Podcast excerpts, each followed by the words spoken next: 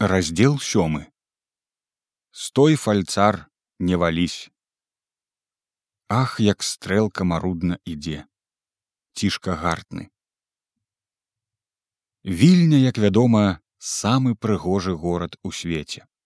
У самым цэнтры горада там дзе бурлівая вілейка ўліваецца ў шырока плаўную віллю стаіць высачэзная круглая замковая гара як велізарная зялёная капа сена На гары старынная вежа, а пры вежы за рускімі стаяла гармата, і кожны дзень роўна а 12 гадзіне яна грукала на ўвесь горад, аж прыезджы чалавек, як мой бацька, ад страху здрыгаўся і прысядаў на кукарэчкі.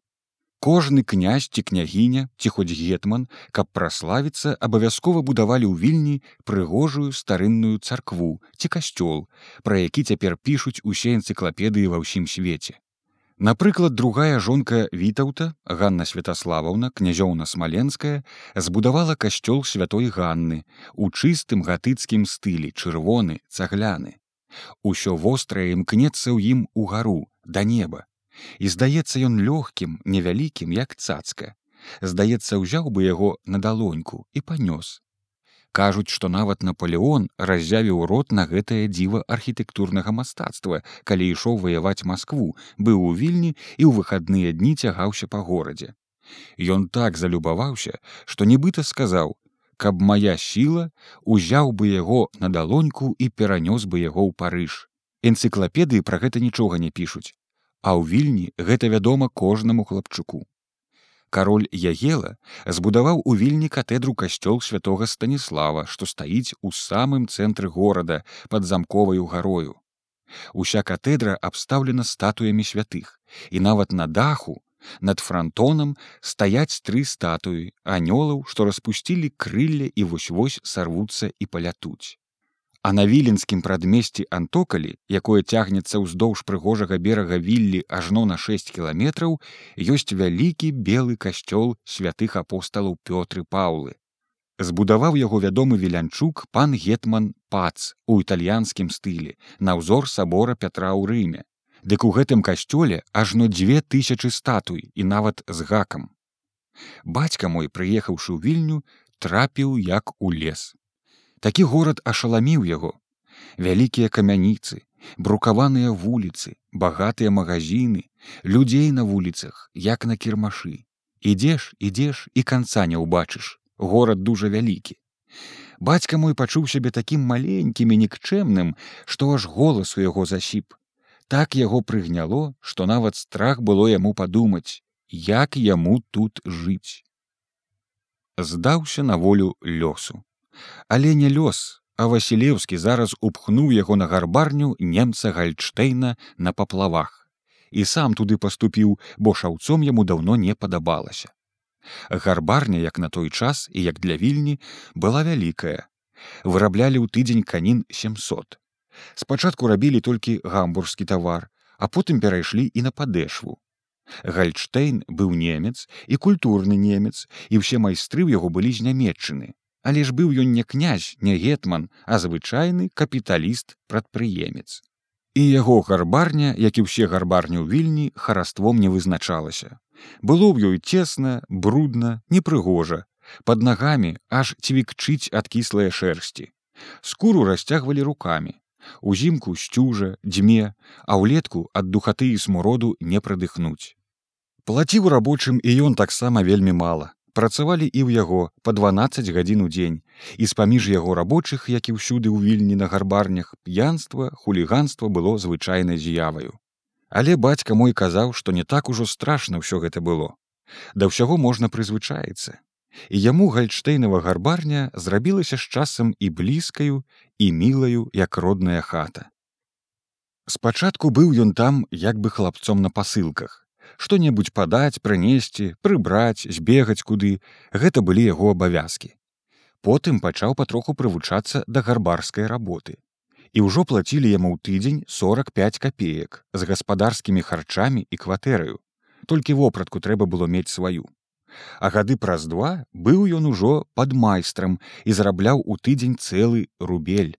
Не піў не курыў і зрэдку мог паслаць маці колькі рублёў быў ён наогул вельмі ашчадны і з гэтай прычыны перайшоў ад немца гальштейна з паплавоў да яўрэя грыліхаса на магаметанскі завулак. Бо гальштейнаўскія майстры немцы любілі каб вучні і падмайстры паілі іх півам. А дзе іх напоіш калі яны пілі піва як коні ваду цэлымі вёдрамі кожны дзень? У грыліхаса ціха і спакойна і закончыў бацька сваю гарбарскую адукацыю Але ў той час кожны малады віленскі гарбар рабіў яшчэ свой фрэндер або вандроўку з горада ў горад з гарбарні на гарбарню для падвышэння кваліфікацыі. Фрэндер з давён даўна звычайна рабілі пехатою, каб больш свету пабачыць. Пусціўся і ён пешкі удваіх з другім маладым рабочым на прозвішча павелак. Павелка ён не дужа любіў за тое, што быў павелак п'яніца і хуліган п'янства ў павелка пераходзіла ў геройства. Кожны герой без славы, як вядома, жыць не можа. І павылак лепш бывала голадам пасядзіць, а нап'ецца. Нап'ецца так, каб як можна больш разоў пачуць па свайму адрасу звычайнае тады гарбарскае прыслоўе: Стой фальцар не валісь. Значыцца, стой п'яны фальцар на нагах не валіся, хоць мы ўсе бачым, што ты выпіў па-геройску а павэлку такія воклічы маслам па сэрцы. П'яны ён хуліганіў таксама больш для славы, каб пра яго казалі: Ого, наш павэлак, удалы хлопец, чаго не зробіць. Такіх малойчыкаў, як ён, было на гарбарні некалькі.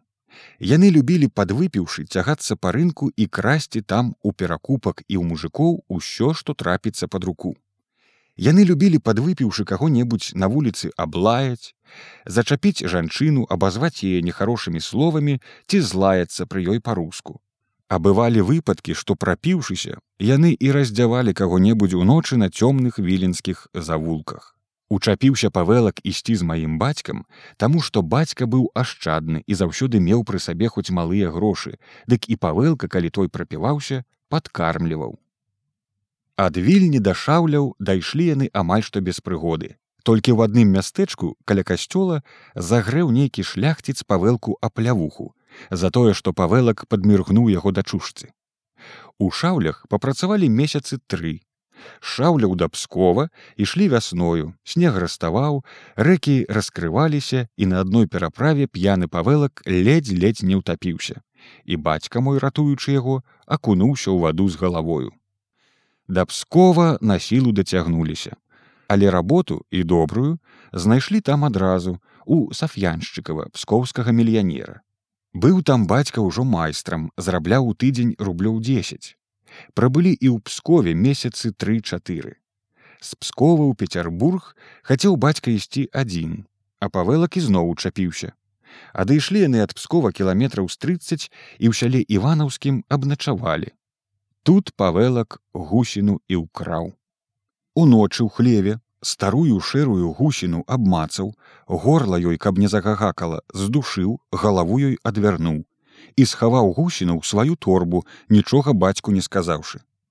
Пайшлі яны, а іх у дарозе нагналі, ператрэслі, няшчасную гусіну з павелкавыя торбы вытраслі і надавалі каршнёў абодвум колькі ўлезе.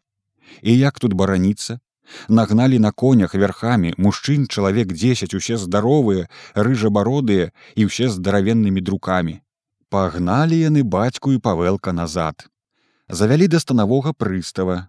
Павелак спалохаўся кажа мы абодва кралі згаварыліся але бацька спаў дзесьці асобна гаспадар так заявіў а павелак кажа што разам пачаў збівацца. Яго засадзілі а бацьку пусцілі Бацька скарэй на чыгунку. Білет узяў і ў Петербург цягніком паехаў. Працаваў там месяцаў шэсць, а потым вярнуўся назад у вільню і зноў да таго самага грыліхаса на магаметанскі завулак і застаўся ў яго пасталай гарбарскай рабоце. Хадзіў да Васілеўскага і пазнаёміўся ў яго з дачкою аднаго мінскага шаўца сіратою анетаю плахінскаю што працавала ў вільні на цукернай фабрыцы разам з сястрою васілеўскіх. Троху за ёю пахадзіў скора і пажаніліся. І гэта была моя маці. Я быў у іх першым і апошнім дзіцянём. Радзіўся я на масленку пілі многа піва і ели сыр з маслам і жадалі мне, каб качаўся я ў жыцці, як сыр у масле. Што і спраўдзілася ў значнай меры.